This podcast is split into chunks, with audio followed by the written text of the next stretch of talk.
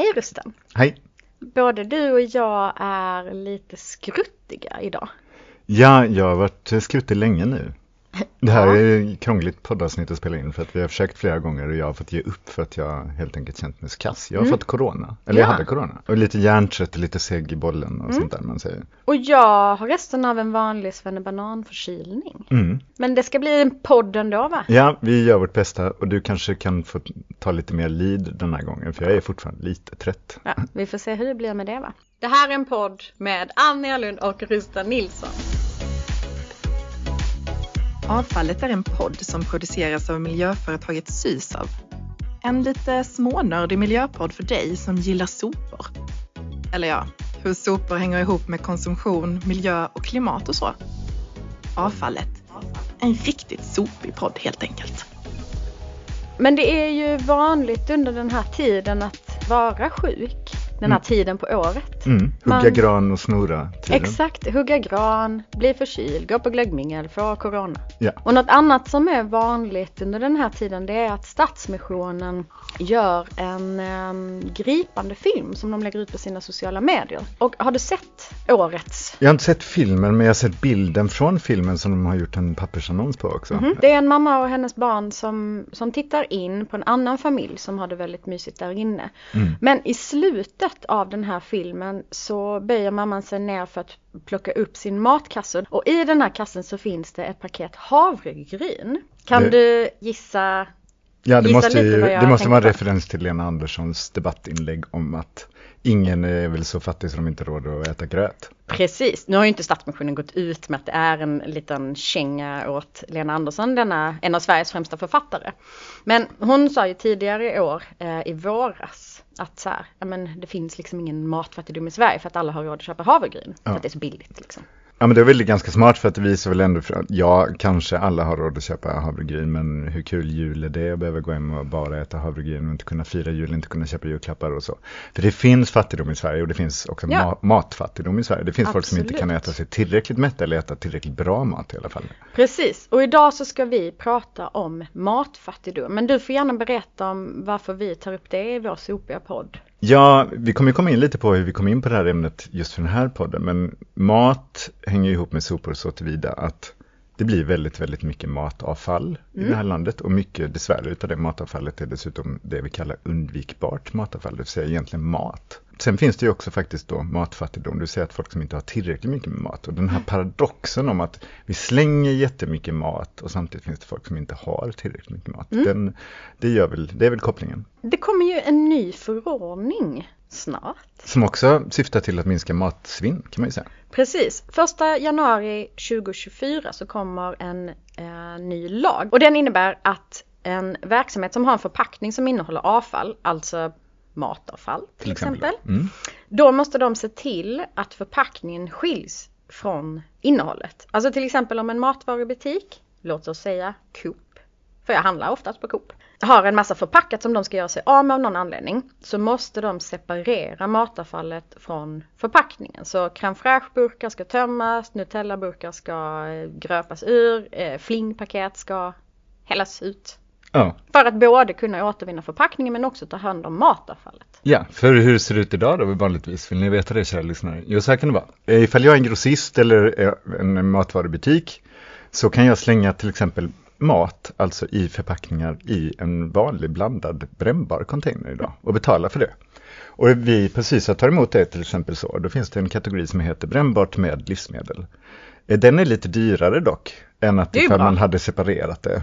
Och då kan man lämna in det liksom i, så att man har bara livsmedel förpackat i en balja. Då kan man komma till, till Sysa med den och så betala för att vi tar hand om det här och då är det mycket billigare. Men vi har också en tjänst där vi faktiskt tar emot livsmedel utan förpackning där det säger att den har redan blivit tömd in i en balja med bara livsmedel och då är det ytterligare mycket billigare. Mm. Så, och det skiljer ganska mycket, det är mindre än hälften så dyrt att lämna in livsmedel som redan är separerat. Och Till här oss. försöker vi ju påverka med ekonomiska medel. Precis, genom att göra det billigare att göra Mm. rätt och separera så att man kan behandla avfallet utan att behöva då bara energiåtervinna det inom citationstecken bara. Mm. Men den här förordningen syftar helt enkelt till att, att stimulera det ytterligare genom att helt enkelt tvinga Ja. Och det vet vi funkar jättebra. Men jag ringde upp eh, Filip Kander på Svensk Dagligvaruhandel. Mm, sa han om detta? För jag frågade hur är branschen redo för detta nu då? Mm, just det. Och det, sa Det är nej. snart. Första Ja, januari. precis, första januari. Och de, han sa nej, det, det är inte riktigt, eh, man, de är inte riktigt säkra på hur man ska hantera det här. Och, det, och hur mycket tid kommer det gå åt, hur dyrt kommer det bli att låta anställda stå och liksom separera det här. Är det möjligt? Hur praktiskt ska man genomföra det? Mm. Men det visar sig också att avfallsbolagen, det vill säga a.k.a. Alla, i det här fallet så pratar de om ett annat avfallsbolag, Skönt. var inte heller riktigt redo på eh, att, eh, hur man skulle läsa det här. Eh, Så att den här lagen kommer, eller förordningen förändras nu, den syftar ju till att se till att det blir bättre återvinning på grejer. Och vilket är bra. Eh, Men så många gånger så kommer det vara lite inkörningsproblem. Ja. Och ett av de här inkörningsproblemen är ju det vi faktiskt ska lyfta lite här, eller risken för i alla fall.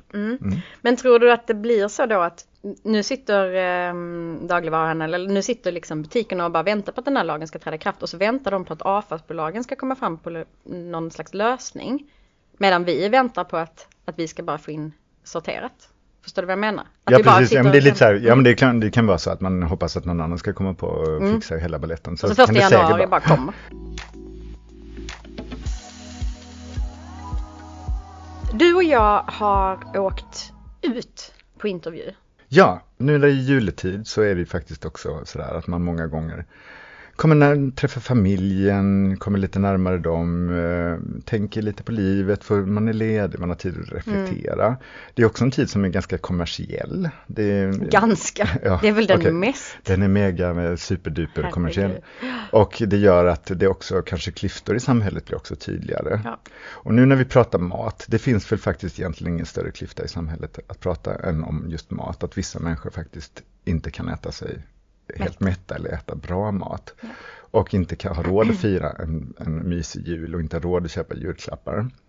Eller att barn som vanligtvis får äta sig mätta i skolan nu under lovet Inte ens ha den möjligheten. inte ens har den möjligheten. Nej, precis. precis.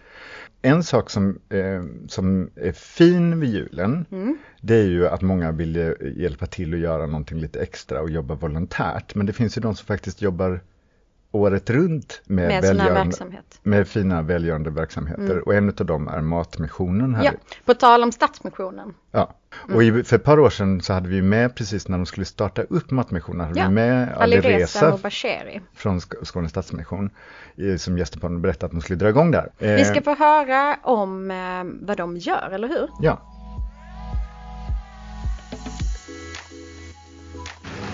Ha, då har vi kommit in här på Matmissionen i Malmö. Ann, eh, spontant, vad är det första du tänker på när vi kommer in? Det ser ut som en ganska vanlig butik. Ja, det ser ut som en vanlig butik med ett stort undantag tycker jag. Det är ingen reklam. Nej, just det. Nej, det står på väggen så står det för ett medmänskligt Skåne varje dag året runt. Ja, men det är inget annat så här extrapris och kom och köp det här och inga lyckliga människor med tvättmedel som ler stort med vita tänder liksom. Nej, Utan det är, det är varorna. Men varorna ser väldigt vanliga och fräscha ut. Ska vi gå runt och kolla lite? Ja, det gör vi. Här har vi då linfrön, jättemånga linfrön, solroskärnor och sen har vi lite diskar med, eh, eller kylar med, vad ser det ut som? Det är färdigriven sallad va? Eller sådana här salladspåsar ja. Du och jag vet ju att frukt och grönt är sånt som ofta kastas. Så att det är en av de största matsvinnsmängderna. Det är just frukt, grönt och bröd. Bröd ser vi också här. Ja men vad spännande. Nu närmar vi oss kontoret och vi ska träffa Maria och Håkan. Ja, precis, vi går in.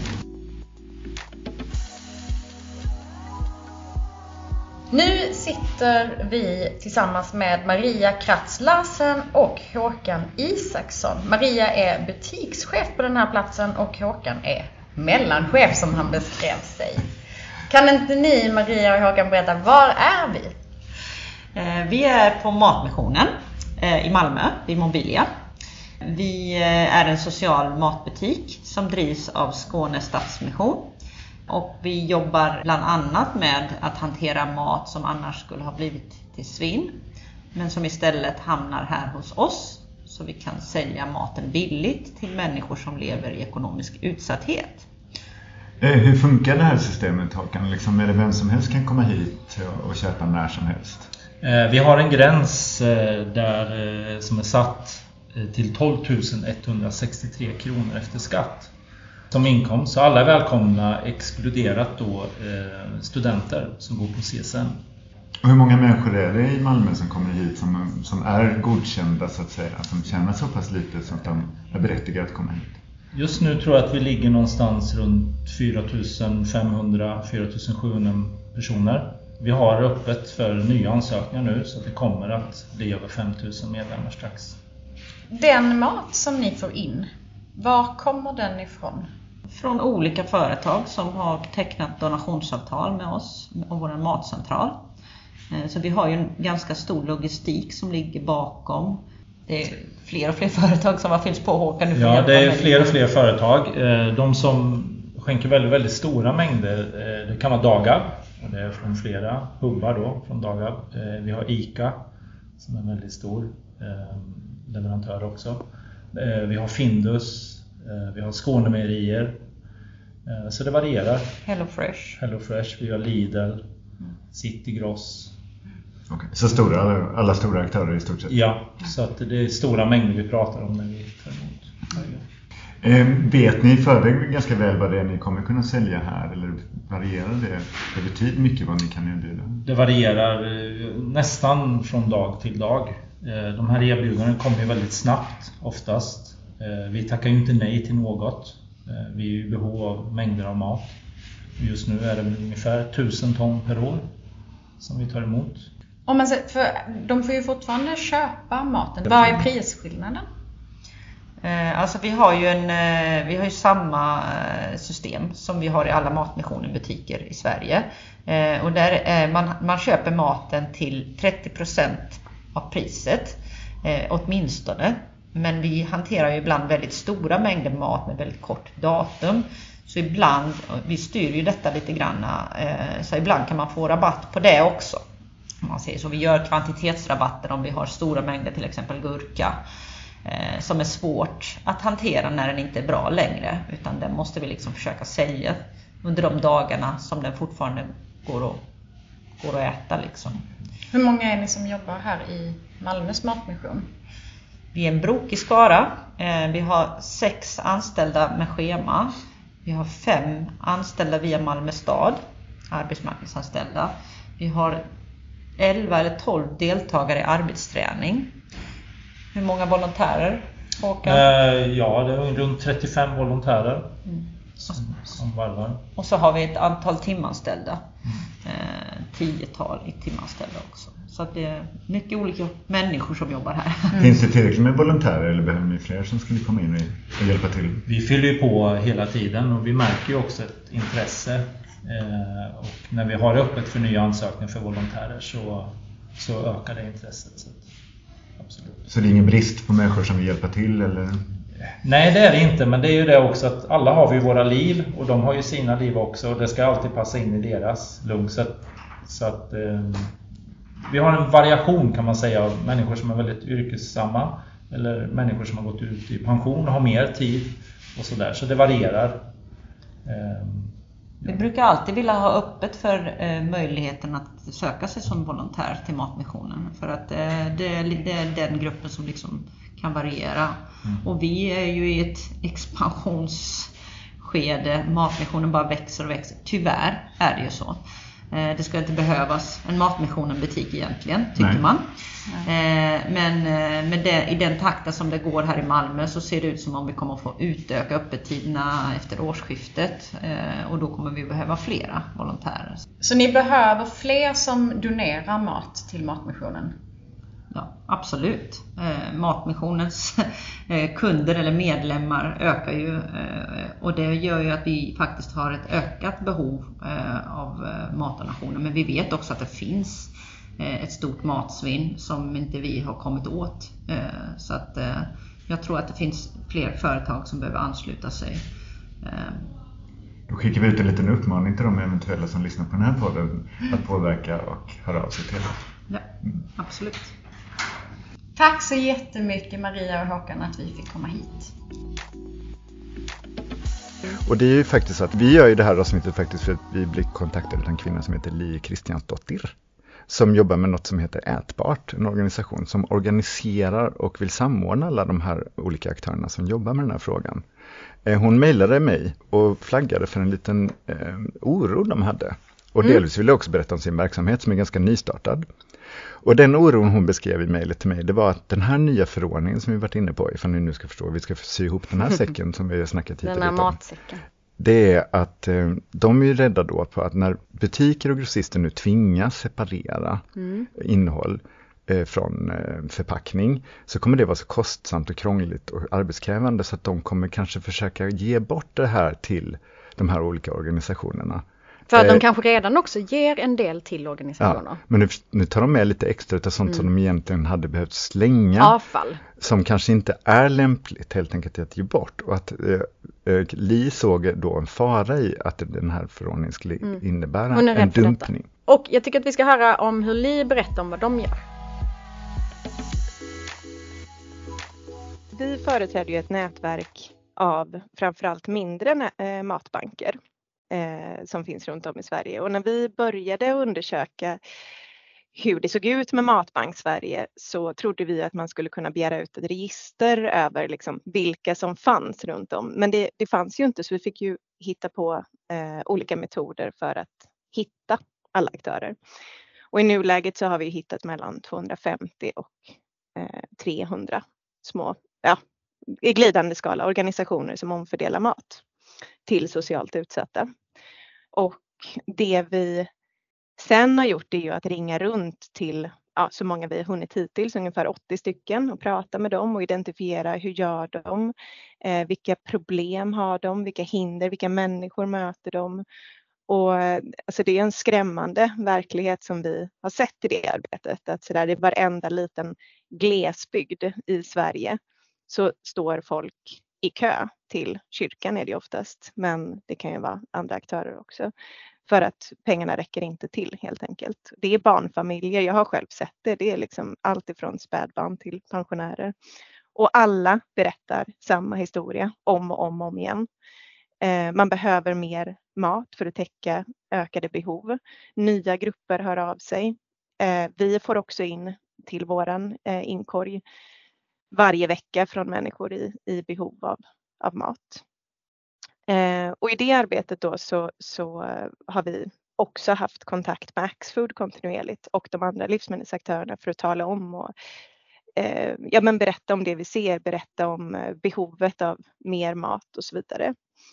Och nu har det samarbetet då lett till att vi har tagit över rollen som matchare av deras butiker och våra medlemmar. Ja, jag tycker det verkar ju toppen det de sysslar med och så bra att de organiserar alla de här olika aktörerna som jobbar med den här viktiga frågan. Ja. Hon förklarade ju också bra eh, under samtalet med eh, att de kan ju också hjälpa till att säkerställa att det inte blir den här nu att dumpningen från grossister och livsmedelsbutiker ja. Eh, genom att hon, de kan vara med och hjälpa till med det. Mm. Hör vad hon sa om det när vi har ett finger med i det här spelet så kan vi säkerställa att de här samarbetena går schysst till. Och där är anledningen till varför jag då kontaktade er. Vi ser, vi har ju sedan vi började med det här arbetet haft koll på just den här eh, kommande lagändringen och sett att det förmodligen kommer att innebära en ökning av donationer. Av den krassa anledningen att butikspersonal i nuläget eh, inte behöver stå och separera Eh, alltså livsmedel från förpackning. Det är en ganska stor arbetsuppgift. Eh, men de kommer att behöva göra det från och med januari och då blir det en mycket mindre arbetsuppgift att donera. Så därför tror vi att donationerna kommer att öka och det är vi inte ensamma om att tro. Men vi ser också en risk att man från butikshåll börjar donera också då otjänliga varor för att bli av med Eh, den arbetsuppgiften.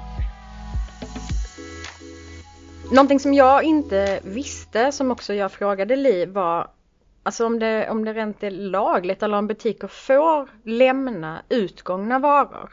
Alltså mjölk som har gått ut till exempel om de får lämna det. Så här berättar Li om det.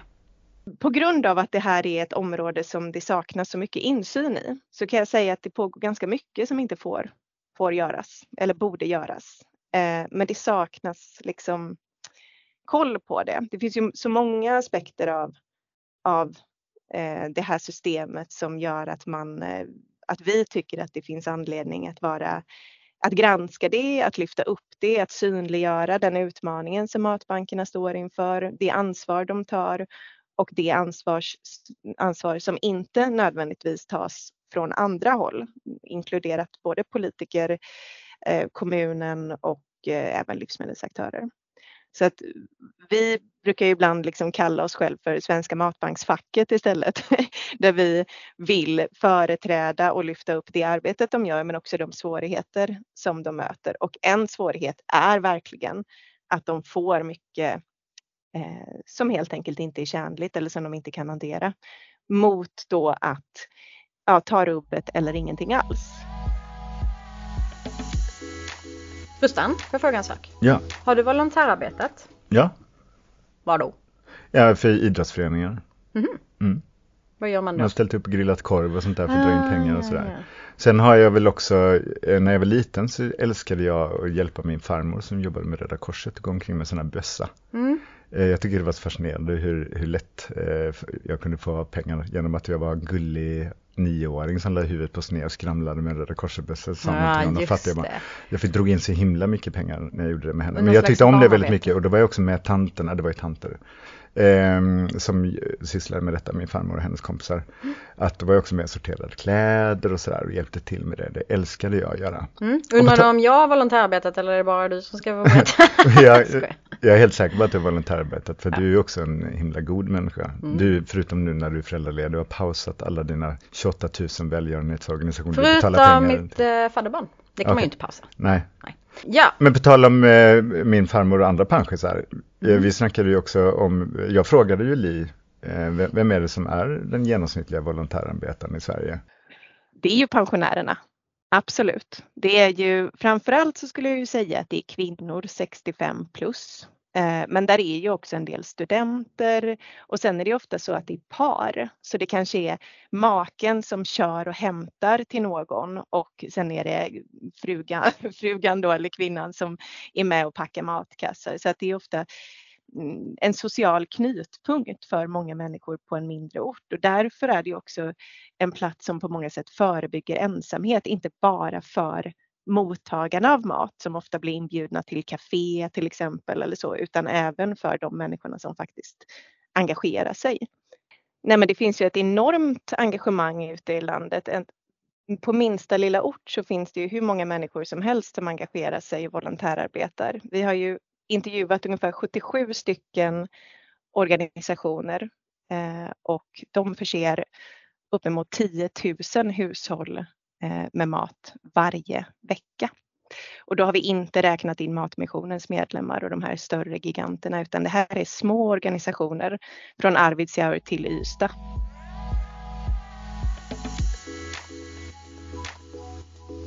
så den vanliga volontärarbetaren är varken du eller jag egentligen. Det är panschisarna framförallt. Ja, ifall man ska, måste koka ner det till en figur. Det är ju säkert otroligt stor bredd på alla Ja, de som är med och hjälper till. Eh, och det är många, det är många som, jag tycker, om, jag tycker det var väldigt fint beskrivet det här med om liksom den nyttan det gör kanske i ett mindre samhälle också att samlas kring sådana här Verkligen. frågor och känna att man bidrar till Mm. samhället. Och det kanske blir tydligare också i ett mindre samhälle när man ser orättvisorna ännu närmre.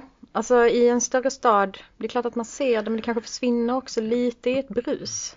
Så är det ju. Det finns ju faktiskt, det är inte bara volontärarbetare, liksom enskilda människor som kan göra någonting utan Li berättade också, eller vi frågade henne vad, vad kan kommuner göra? Det vi ser och vi försöker att trycka på lite grann, det är att också kommunen ska haka på och bistå med någonting. Vi ser ju till exempel gärna att de skulle kunna bidra med bilar eller lokaler eller kylar, frysar.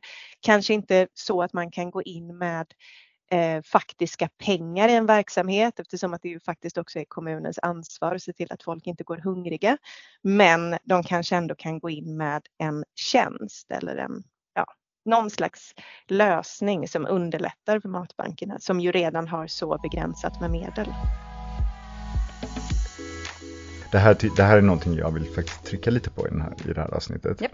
Det är ju trots allt så här att det finns en liten konstig grej med att ja, det är otroligt bra arbete som utförs av alla volontärer och Matmissionen och alla de organisationerna. Och det är jättebra att vi räddar mat som skulle kunna som annars hade kastats. Absolut. Men det är ju också helt sjukt att i ena änden Mm. av samhället helt normalt kan fortgå att vi slänger mat, mat, mat, mat som inte blivit såld för vi är så vana vid att det finns ett enormt överflöd i butiken. Alltså att det, ingenting får någonsin ta slut Nej. och det ska alltid vara enorma mängder att välja på och 28 000 yoghurtsorter att välja mellan. Mm. Och acceptera då det svinn som faktiskt är en logisk, eh, liksom, eh, eh, det som faktiskt då rent logiskt måste, då måste det bli mer avfall för vi ska Ja. fortsätta ha det så, att vi accepterar det. Mm. Och samtidigt ända så har vi fattigdom och folk som inte kan äta sig ordentligt mätta. Mm. Och sen så accepterar vi att samhället på något sätt har resignerat från det inte tar tag i den här Nej. frågan utan överlåter det på frivilliga människor som ska försöka lösa detta. Mm. Eller organisationer eller kyrkor eller vad det nu är. Det är helt knäppt egentligen. Ja, det är helt Ehm, sjukt att det får vara på det här sättet. Precis, och det som Li och alla andra jobbar med är ju egentligen alltså, någonting som inte borde behövas. Nej, precis som när vi har intervjuat Erik och Elinor på Spill, restaurang Spill, kan man höra om i, i eh, andra matavsnitt som vi gjorde förra året. Där berättar ju också de om att ja, men det här är liksom inte, det här är inte lösningen Nej. på problemet. Nej. Och det är ett sätt att sätta tanke. plåster på ett problem. Vi Ja. måste orsaka, orsakerna, eller liksom grundorsaken till problemet måste vi Mm. också prata om. Och det är faktiskt till syvende och sist politik. Absolut. Men eh, Liv utvecklar det lite också. Mm det är ju väldigt viktigt för oss också att vi brukar alltid vilja få med på något sätt att vi är ju emot vår egen verksamhet. Vi tycker ju inte att det här är en bra lösning på de samhällsproblemen som vi ser. Eh, verkligen inte. Däremot så ser vi ju samtidigt att det behövs och det behövs inte mindre för att man inte känner till det eller för att man inte opinionsbildar eller lyfter upp hur verkligheten ser ut. Så att det är ju en, en, en, ett viktigt inspel. Sen hur, hur vi ska lösa de här enorma samhällsklyftorna som vi ser nu eh, och där resiliensen hos de här grupperna är så låg redan. Man pratar ju ibland om att det är inflationen och pandemin som har gjort att människor är fattiga, men man kan ju också prata om det som att resiliensen hos vissa grupper är eh, ja, av politiska orsaker extremt låg och nu har de puttats över kanten och det är det vi ser. Det är en sån otroligt stor matfattigdom i Sverige som pågår över hela landet och där, behöver ju, där behövs det ju till politiska beslut på något sätt. Inte Ja. att civilsamhället förser människor med mat. Vi är också lite emot vår egen verksamhet. Ja men så är det också. Egentligen borde det inte finnas massa avfall. eh, Det borde vara helt cirkulärt och allting togs om hand igen och kunde repareras Mm. och återbyggas eller återskapas med de material vi redan har fångat upp. Men vi måste behandla massa avfall för att inte, ja. Så att vi är emot vår egen verksamhet. Mm. Men jag tycker samtidigt kan man inte heller, nu ställer jag en knepig filosofisk fråga heller på att säga. Ska Så, du ställa mig det? mm, Okej. det, det, så, så knepig filosofisk är den inte för jag vet ju svaret på det.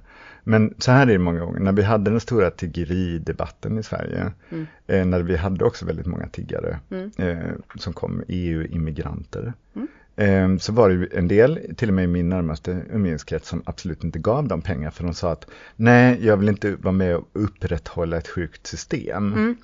Eh, hur, vad svarade du på det när du hörde?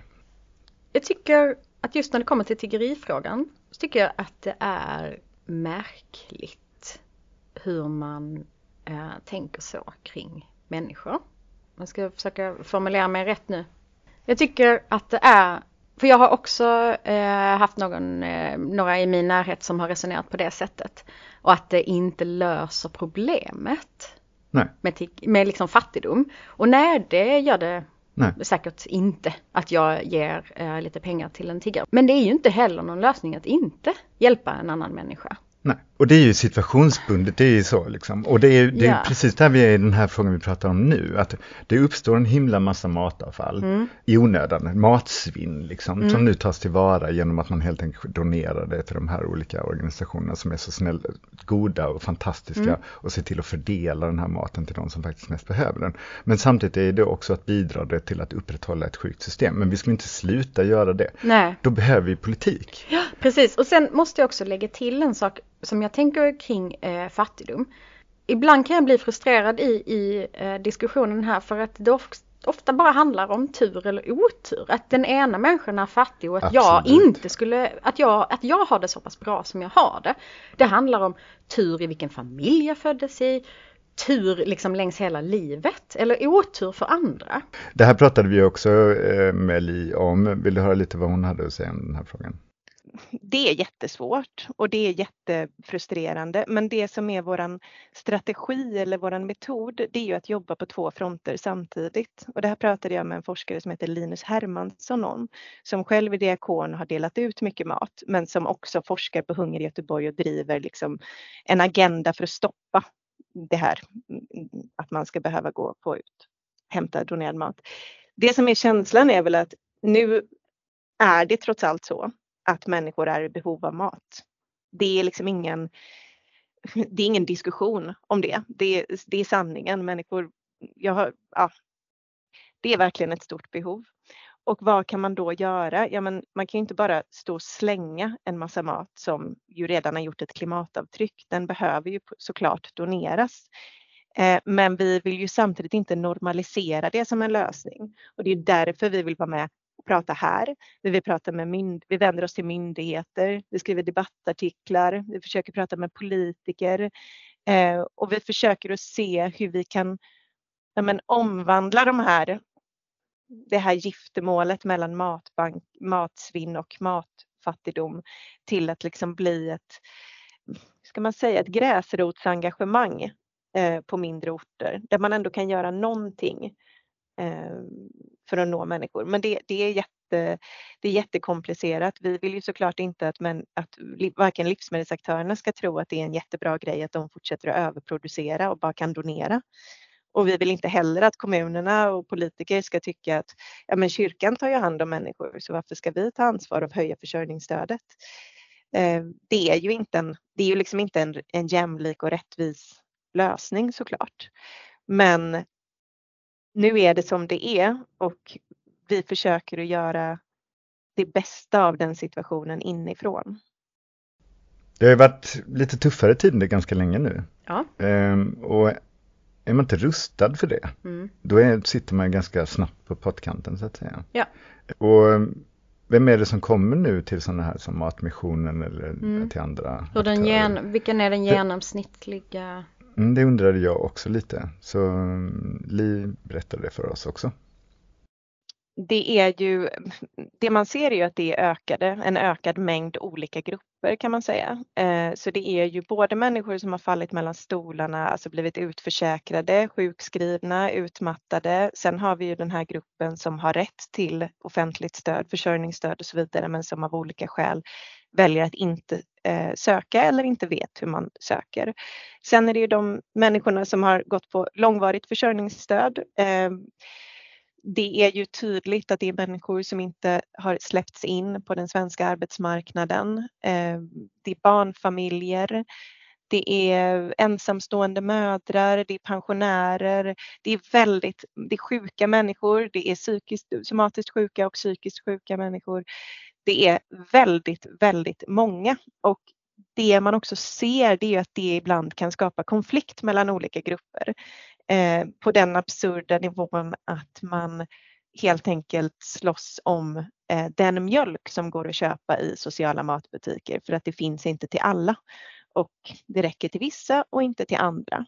Alla matbanker, alla sociala matbutiker eh, har ju ofta ett kösystem där man får komma in eh, med sin kölapp och när man ser, när man ser den anstormningen av människor som liksom rusar in i en social matbutik för att få tag på mjölk som precis har passerat sista, eh, eller vad säger jag, bäst före datum eller är på väg att göra det. Då blir det eh, extremt tydligt hur oerhört orättvist det här samhället har blivit. Det här avsnittet har varit ett av de svåraste för mig att göra. Mm. Jag satt hemma. Och inte för att vi har haft corona, eller jag har haft corona. Det har också varit väldigt svårt att bara få ihop det. Mm. Men jag satt eh, hemma när jag klippte intervjun med Li. Och under tiden jag klipper den så, jag var tvungen att pausa flera gånger. För jag blev, jag började gråta. Och det är något absurt med att efter vi hade intervjuat henne så cyklar jag hem. Och under tiden jag cyklar så tänker jag på att säga, jaha okej nu måste jag eh, laga mat till min son, för jag lagar eh, all mat han käkar lagar jag. Och så fryser jag in en massa och så funderar jag på, ja men eh, undrar om han ska få eh, potatis eller couscous eller vad han nu liksom ska få. Och så samtidigt i samma stad så köar mammor och pappor för att få köpa utgången mjölk. Mm.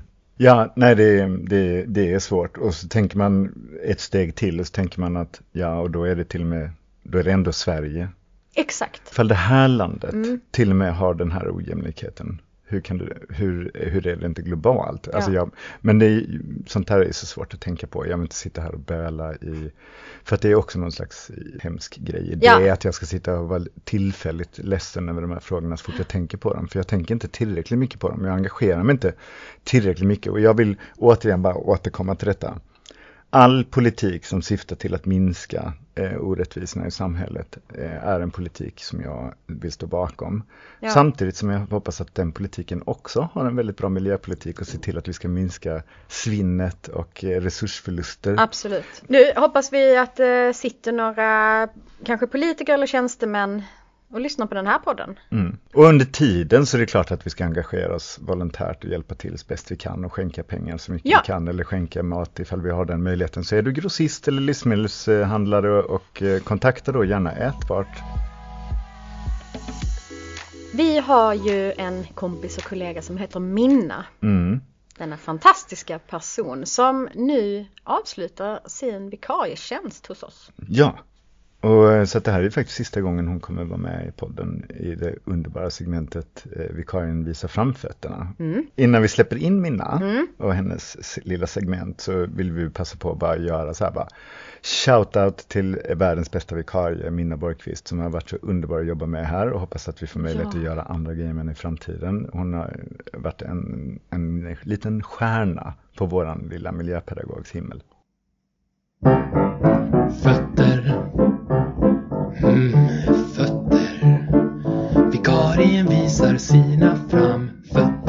Som ni vet så är Sysav med och arrangerar en tävling som heter Resterkocken. Och i år har den tävlingen avslutats. Men jag gick in och kikade lite på recepten som har skickats in som bidrag för jag var väldigt nyfiken.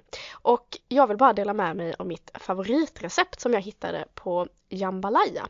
Eh, och det är alltså en klass som tillsammans bestämde att de skulle bara se vad de har hemma och slänga ihop. Det enda som de behövde komplettera med på skolan var olja och smör att steka i. Resten samlade alla ihop hemifrån och de har räddat så mycket potatisar och lökar och ärtor och ris som har blivit över och jag tyckte det var väldigt fint så jag ville bara dela med mig. Man kan läsa mer om detta och hitta fler recept på resterkocken.se. Vikarien visar sina framfötter. Tack Minna. Tack! Har du något mer du vill säga Ann, innan vi ska hälsa alla god jul? När ni är ute i uh, julruschen, för det kommer ni väl vara? Speciellt ni som är lite sena, som jag. Ehm, Jag ska inte ut i någon julrush faktiskt. jag Okej. lyckas avveckla nästan allting under det. När ni är ute, ge till någon annan än era närmsta också. Det är ja, väl... det eh, var en jättefin uppmaning. Här på Sysa på huvudkontoret så har vi ju en insamling på plats på Ja. kontoret så man kan ta med sig grejer till eh, Jalla Jalla, en jul för alla. Och jag gillar när vi säger saker samtidigt. Ja. ja. Ja. Eh, vilket, eh, så jag tycker också att man kan jobba med sin arbetsplats lite och se till att det blir gjort. Absolut, Mm, verkligen. Kul. Varit, Kul att du inte är sjuk längre och inte jag heller. Ja. Ska vi säga god jul och gott nytt år? Eller vill du säga något mer? Jag vill säga så här till alla lyssnare. Mm. Ha en fantastiskt underbart juligt god jul och ett gott nytt år. Och så ses vi 2024 och hörs framförallt. Ja! Säg hej då Ann. Hej då Ann. God jul. God jul. Det här var en podd producerad av miljöföretaget Sysav. Glöm inte att följa oss på sociala medier. Där heter vi Sysav. Avfallet. En riktigt sopig podd helt enkelt.